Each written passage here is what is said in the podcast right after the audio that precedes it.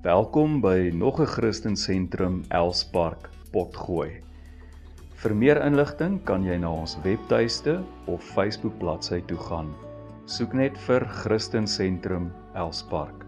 Baie dankie vir die saamluister en vir jou ondersteuning.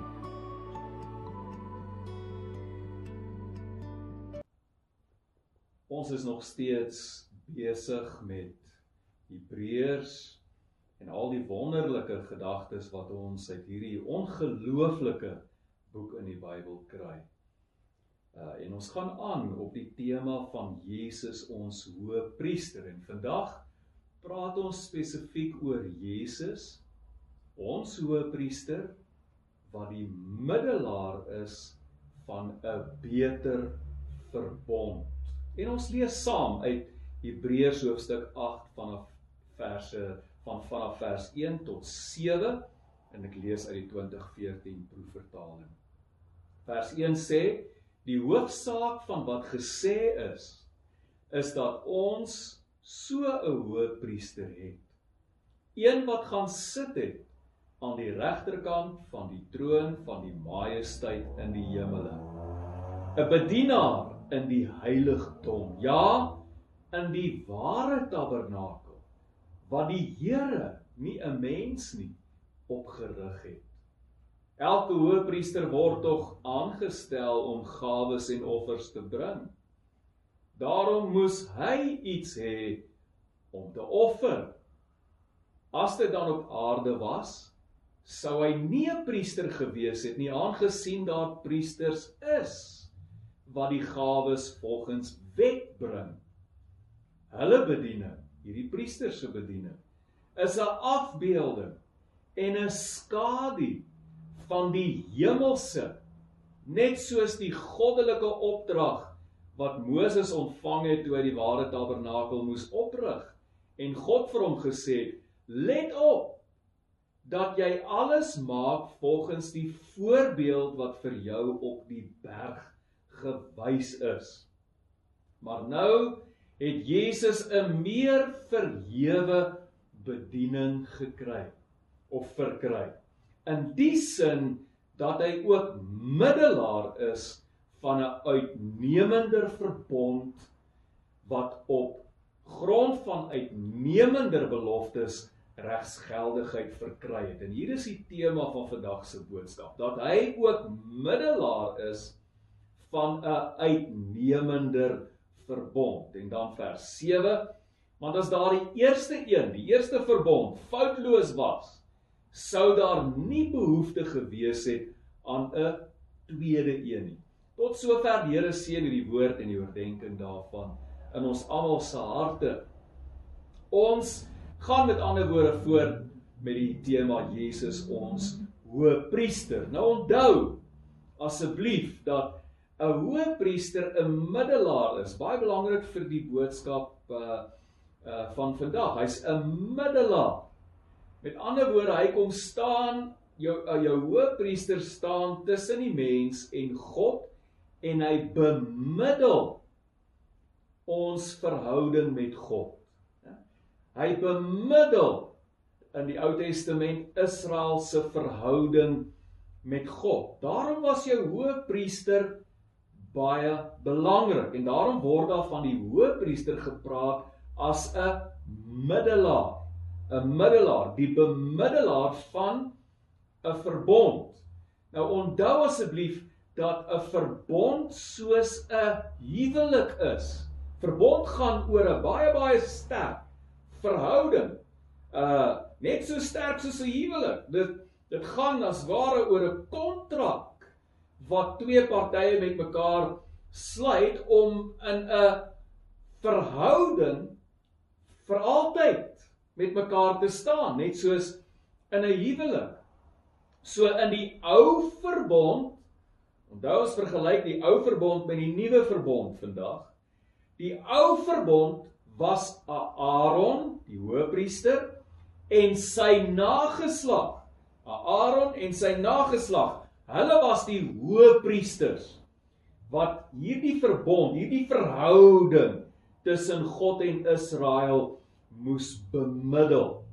Maar in die nuwe verbond, die een waarin ek en jy vandag is, is Jesus, nie Aaron nie, Jesus, die ewige hoëpriester en is hy nou die een wat ons verhouding met God bemiddel. Hy's die middelaar van die nuwe verbond. Hy is die hy is die een wat tussen ons en God staan in hierdie nuwe verbond, hierdie verhouding wat ons met God het. Jesus is die een wat hierdie verhouding bemiddel. Nou ons skrifgedeelte sê dit baie duidelik dat Jesus die middelaar van 'n uitnemender gebod geword het. 'n Uitnemender gebod. Nou ek het in 'n vorige boodskap gesê dat Hebreërs ons basies in twee rigtings in beweeg. En ek gaan vandag 'n derde rigting byvoeg. So kom ons kyk net weer na die twee rigtings en dan voeg ek die derde een by. Eerstens Hebreërs beweeg ons boontoe, op, van onder af boontoe, van die aarde af na die hemel toe. Tweedens, Hebreërs beweeg ons ook vorentoe op 'n horisontale lyn. Vorentoe uit die verlede in die toekoms in. Uit die verlede waar die ou verbond gegeld het in die toekoms in waar die nuwe verbond geld. En dan derdens, dis die een wat ek byvoeg. Hebreërs beweeg ons ook inwaarts. Met ander woorde van dit wat buite ons is, beweeg dit ons na ons binnekant toe. Van dit wat buite ons is na ons binnekant toe. Ek sê later so klein bietjie meer hieroor. Nou kom ons begin by die eerste een. Uh en as jy deur ons skrifgedeelte lees, dan sien jy dit baie duidelik. En ek nooi jou om na afloop van hierdie boodskap weer deur hierdie gedeelte te gaan lees. Wat sien ons daar?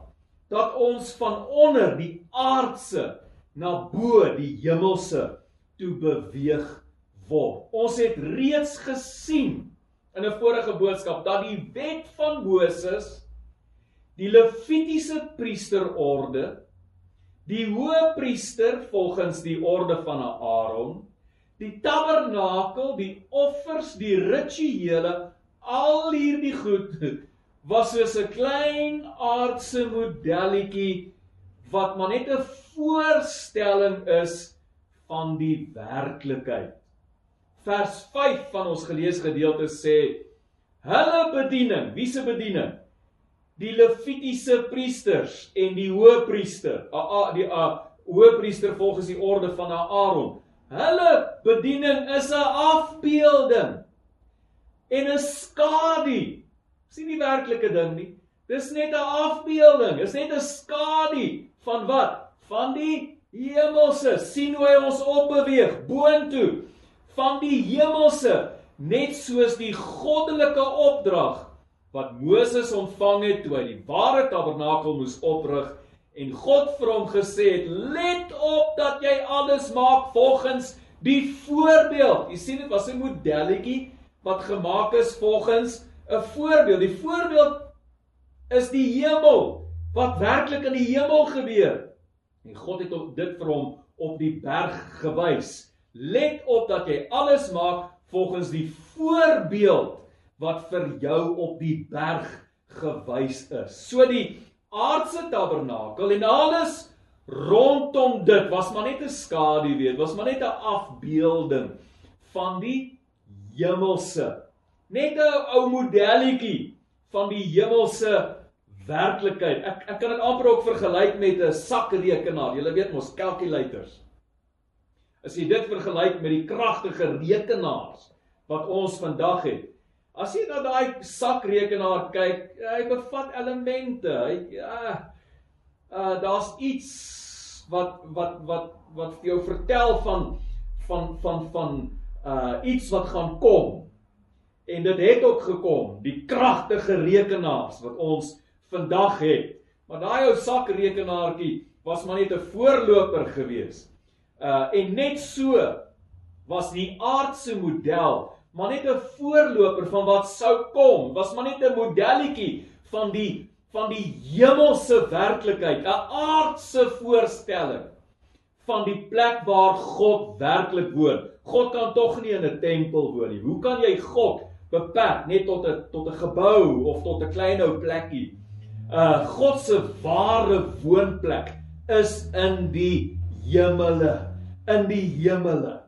Uh en dit is hier in God se ware woonplek waar Jesus as hoëpriester optree. Is dit nie wonderlik nie? Aaron en in die Levitiese priesters moes in 'n modelletjie optree as priesters. Maar Jesus kom en hy tree op in God se ware woonplek. Nie in die tabernakel nie. Nie 'n tempel met priesters en 'n hoëpriesters wat offers bring nie, maar in die hemele, die ware woonplek van God.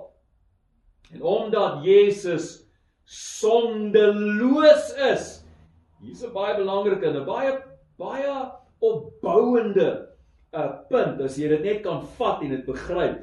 Omdat hy sondeloos is, is hy 'n hoëpriester wat altyd altyd altyd in God se direkte teenwoordigheid kan bly. Alraai, hy hoef nooit uit God se teenwoordigheid uit te gaan. Hy's altyd in God se teenwoordigheid om vir jou en vir my in te tree. Verder, omdat Jesus ewig is, nie soos 'n sterflike Aaron of 'n sterflike Levitiese priester nie, omdat Jesus ewig is, word hy nooit vervang nie. Sy hoë priesterskap word met ander woorde nooit onderbreek nie. Hy is ononderbroke in God se teenwoordigheid om vir jou en vir my vir ons in te tree. Let ook op uit ons skrifgedeelte dat hy nie in God se teenwoordigheid staan nie. Het jy dit gesien? Vers 1 sê die hoofsaak van wat gesê is is dat ons so 'n hoë priester het een wat gaan sit het gaan sit het aan die regterkant van die troon van die majesteit in die hemele. Nou ons weet almal dat Jesus aan die regterkant van die Vader sit as koning. Hy sit op die troon. Dit verstaan ons. Maar wat van Jesus as hoëpriester? Hier lees ons dan duidelik van Jesus die hoëpriester wat gaan sit het aan die regterkant van die majesteit in die hemele. En dis 'n baie belangrike vraag want die hoëpriesters van die Ou Testament kon net een keer, die hoëpriester net een keer 'n jaar kon hy in die allerheiligste van die tempel waar God se teenwoordigheid was, kon hy daar ingaan en net een keer per jaar kon hy daar verzoening gaan doen vir die volk se sondes. Alraai? Maar hy kon nie gaan sit nie. Kon nie gaan sit nie. Jou hoëpriester moes altyd bly staan terwyl hy die bloed sprinkel om verzoening te doen vir die volk se sondes. As hy klaar is, dan moes daai hoëpriester weer uit die allerheiligste en uit die tempel uit. Jy lees nooit van 'n hoëpriester wat in die allerheiligste in die teenwoordigheid van God gaan sit het nie. Jy lees nie daarvan nie, want dit het nie bestaan nie. Maar ons hoëpriester Jesus het gaan sit. En wat beteken dit? Wat beteken die feit dat hy gaan sit het? Ja, dit beteken dat Jesus se werk afgehandel. Hy hoef nooit weer uit te gaan en dan oor 'n jaar weer terug te kom met die bloed van nog 'n offer om verzoening vir ons sondes te doen. Aan die kruis het Jesus homself geoffer en dis met sy eie bloed, sy eie kosbare bloed wat hy verzoening vir ons sonde gedoen het. En hoor mooi, die bloed van Jesus, die bloed van die lam van God, die bloed van die seun is beide volmaak, 'n volmaakte offer en is kosbaar genoeg om vir elke mens vir eens en vir altyd elke persoon wat Jesus as hoëpriester te bely om vir eens en vir altyd ons met God te versoen. Jesus sit omdat sy bloed klaar besprinkel is en omdat sy werk om ons met God te versoen klaar afgehandel is. Die enigste keer wat Jesus nou opstaan is wanneer iemand so Stefanus as 'n martelaar sterf. Onthou julle die storie in Handelinge? Stefanus is 'n martelaar sterf. Stefanus terwyl hy hom stenig en hy en hy kyk op sien hy Jesus staan aan die regterhand van die Vader. So die enigste keer wat Jesus nou staan is om geloofshelde te verwelkom in sy Vader se huis. So Hebreërs beweeg ons opwaarts van die aardse modelletjie af na die hemelse werklikheid toe. Baie baie belangrik. Maar Hebreërs beweeg ons ook vorentoe. Vorentoe uit die verlede waar die ou verbond gegeld het en Aaron die hoëpriester was wat as middelaar opgetree het na die hede en die toekoms waar die nuwe verbond geld en waar Jesus die hoëpriester is wat as ons middelaar optree. Vers 6 sê: Maar nou het Jesus 'n 'n meer verhewe bediening verkry in die sin dat hy ook middelaar is van 'n uitnemender verbond. Nou is die vraag: Waarom was dit nodig vir 'n nuwe verbond? Waarom 'n nuwe verbond? Ons ons skrifgedeelte sê die nuwe verbond is uitnemender as die vorige verbond, die ou verbond. Met ander woorde, dit is baie beter, baie beter as die ou verbond. So die vraag is, wat was fout met die ou verbond gewees? En ek herinner jou net weer, verbond is 'n sterk permanente verhouding tussen twee partye, net soos 'n huwelik.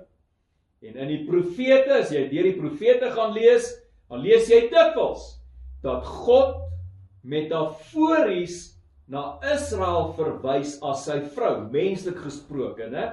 Dat God metafories na Israel verwys as sy vrou, want hy het in 'n verbond met Israel gestaan. En die huwelikseremonie, waar het daai huwelikseremonie plaasgevind? By Sinaï berg. En dis waar die wet gegee is, ook bekend as die wet van Moses. Maar God het hierdie wet gegee. So, ons kan ons kan eintlik sê hier waar hierdie huwelikseremonie plaasgevind het by Sinaï berg en waar die huweliksvoorwaardes, die wet, die huweliksvoorwaardes gegee is. Wat fout was met hierdie verbond is dat Israel nie by die huweliksvoorwaardes gehou het nie. Dis so 'n lang hartseer stuk geskiedenis. God se vrou Israel het as ware menslik gesproke soos 'n prostituut opgetree. 'n boodskap wat baie duidelik in Hosea uh na vore kom. En Israel se ontrou wat letterlik vir eeue aangehou het.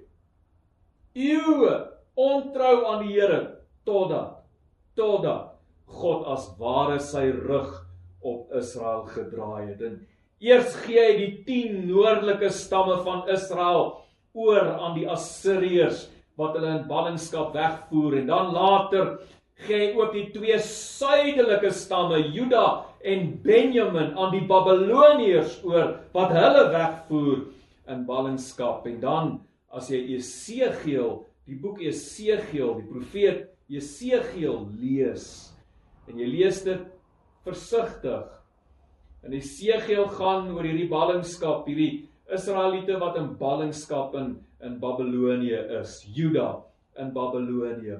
As jy Jesegiel lees, dan sien jy hoe God se teenwoordigheid uiteindelik die tempel in Jerusalem verlaat en hoe sy teenwoordigheid die land Israel verlaat. Heeltemal verlaat. Ons lees byvoorbeeld in Jesegiel 8 vers 6, Nuwe Lewende Vertaling. God praat en hy sê: "Mensekind," het hy gesê, "sien jy wat hulle doen? sien jy die afskuwelike groot sondes wat die mense van Israel doen? Sondes wat my uit my heilige woning dryf. En die hele Jesegiel 10 gaan oor God wat die tempel verlaat. Dit was die einde van die ou verbond, die einde van die verbond van die wet die einde omdat Israel nie getrou was aan haar huweliksvoorwaardes nie. So Hebreërs skuif ons uit die verlede van 'n mislukte verbond in die toekoms in. En die nuwe verbond is in alle opsigte beter as die ou verbond. Om mee te begin, ons het 'n baie beter hoëpriester. Tweedens, ons het 'n baie beter hoëpriester wat 'n baie beter offer gebring het om ons met God te versoen. En in 'n volgende boodskap sal ek die ou en die nuwe verbond met mekaar kontrasteer sodat jy duidelik kan sien hoeveel beter hierdie nuwe verbond is. Maar kom ek lig vandag net een, nog een aspek uit wat die nuwe verbond beter as die oue maak. Behalwe dat ons 'n 'n beter hoëpriester het wat beter offer gebring het. Uh is uh, kom ek lig net nog 'n aspek uit. Ek het gesê Hebreërs beweeg ons van onder na bo, beweeg ons van die verlede in die toekoms in, maar Hebreërs beweeg ons ook van buite af na binne toe. Van buite af na ons binnekant toe.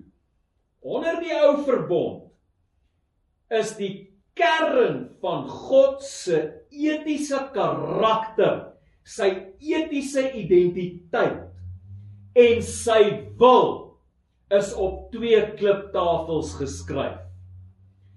Deur hierdie 10 gebooie wat op die twee kliptafels geskryf was, kon Israel die Here leer ken. Die 10 gebooie het hulle laat weet wie En hoe lyk hierdie God wat hulle aanbid? Wie is hierdie God wat hulle aanbid? En hulle kon sien dat hy 'n morele, etiese God is.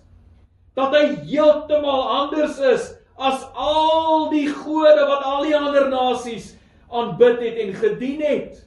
As jy so 'n bietjie gaan lees oor die afgode wat die nasies die ander nasies aanbid het, dan klink dit letterlik soos the days of our lives.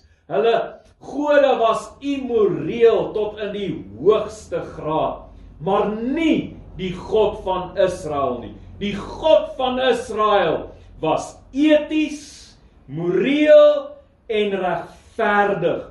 En deur die 10 gebooie het hulle geweet wie hy is, dat hy 'n regverdige, etiese, morele God is. Deur die 10 gebooie kon hulle ook agterkom wat sy wil vir hulle lewens is.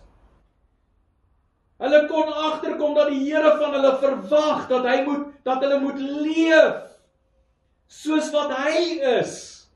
Dat hulle iets van sy identiteit moet weerspieël. Dat hulle lewens ook eties, moreel en regverdig moet wees. Dit was sy wil gewees vir sy mense. Ongelukkig, my vriend, my broer, my suster, was dit alles op kliptafels geskryf. 10 gebooie. Jy kon dit memoriseer tot jy blou was. Jy kon dit soos 'n mantra 5 keer 'n dag vir jouself herhaal. Was nog nie regtig in jou hart nie. 12 jaar terug het ek Psalm 27 in Engels gememoriseer. The Lord is my light and my salvation, whom shall I veer en vir ongeveer 12 jaar, feitelik elke dag, net voor ek aan die slaap raak, sê ek hierdie hele Psalm 27 op. Uh en weet jy wat? Tog bly ek bang. The Lord is my light and my salvation. Whom shall I fear? Ek het al soveel keer vir myself opgesê en nog steeds bly ek bang. Na al hierdie jare is dit asof die Psalm nog nooit regtig van my hart van my hart besit geneem het nie. Maar hoor nou wat sê Hebreërs 8 vers 10 en 11. Uh as jy net so 'n bietjie verder aanlees in ons skrifgedeelte van vanmôre, kom jy by dit uit. Hoor wat sê hy? Dit is die verbond wat ek die Here na daardie dae met die huis van Israel sal sluit. Ek sal my wette in hulle verstand gee. Op hulle harte sal ek dit graweer. Ek sal vir hulle 'n God wees. Hulle sal vir my 'n volk wees. Niemand sal meer sy medeburger of sy broer onderrig en sê ken die Here nie, omdat hulle almal my sal ken, van die kleinste tot die grootste onder hulle. sien jy dit? Nie meer wette buite ons op kliptafels geskryf nie. Nee. God se wil, God se wette binne in ons in ons verstand geskryf op die tafels van ons harte hier binne in gegraveer. Dis een van die verstommende dinge wat met ons gebeur wanneer ons in 'n verhouding met God begin staan. Een van die wonderlike goed wanneer ons Jesus aanneem as ons verlosser en saligmaker en ons word weergebore. Skielik ken jy God. Jy ken hom. Jy ken die Vader. Jy weet nie alles van hom nie, maar jy ken hom. jy ken hom. Ek weet nie alles van my pa af nie, maar ek ken hom want hy's my pa. 'n Ander ding wat gebeur is sonder dat jy nodig het om 'n morele kode te memoriseer. Ek weet nie wie van julle al die 10 gebooie probeer memoriseer nie. Ek tot vandag toe het ek dit nog nooit gememoriseer nie. Sonder om 'n morele kode te memoriseer en dan jou bes te doen om elke dag volgens hierdie kode te leef. Skielik kom jy agter jou prioriteite het outomaties verander. Daar's goed wat jy gister nog gedoen het. Jy wil dit net nie meer doen nie. Jy het net nie meer lus daarvoor nie. As jy gister nog gesteel het, dan voel jy nou so sleg daaroor. Jy wil sommer dadelik dit gaan teruggee en jy wil dit nooit weer doen nie. So jou hele lewe het verander. God se wil is op die tafels van jou hart gespan jou hart geskrywe. Hele lewe het verander sonder inspanning. Die 10 gebooie kan opgesom word as respek vir God en respek vir my medemens. Ons kan dit ook opsom met een woordjie. Die hele gebod. Die Nuwe Testament sê dit baie duidelik. Paulus sê dit. Ons kan dit opsom met een woord en dis die woordjie liefde. En hoor nou wat skryf Paulus in Romeine 5 vers 5. Hy sê want God se liefde, God se liefde is in ons harte uitgestort deur die Heilige Gees wat aan ons gegee is. Jesus ons hoëpriester is die middelaar van 'n baie beter verbond. Die nuwe verbond waar God op die tafels van ons harte gegraveer het deur sy gees in ons harte uit te stort. Sy gees deur wie ons die Vader ken omdat hy hier binne in ons uitroep, Abba Vader. Sy gees wat ons ook leer om lief te hê en sodoende God se wil te volbring. Is dit nie baie beter as die ou verbond nie?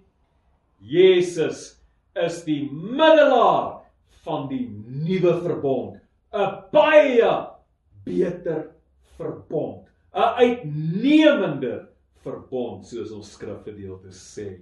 Amen. Here, ons dankie vir Jesus, ons middelaar. Dankie vir hierdie nuwe verbond. Die werk wat Jesus gedoen het as hoëpriester wat afgehandel is, dat hy altyd deur in u teenwoordigheid is om vir ons in te tree ononderbroke gebaseer op 'n volmaakte offer wat ons vir altyd met u versoen het. Dankie dat ons u ook kan ken deur u Gees en dat u ons ook leer deur u Gees om lief te hê en sodoende u wil uit te voer. Baie dankie daarvoor, Here. Maak ons mense wat wandel in hierdie verbond en wat altyd Jesus bely as ons middelaar, as ons hoëpriester. 'n Hoëpriester, 'n middelaar van 'n baie beter verbond. Ons prys U en ons loof U daarvoor in Jesus naam. Amen.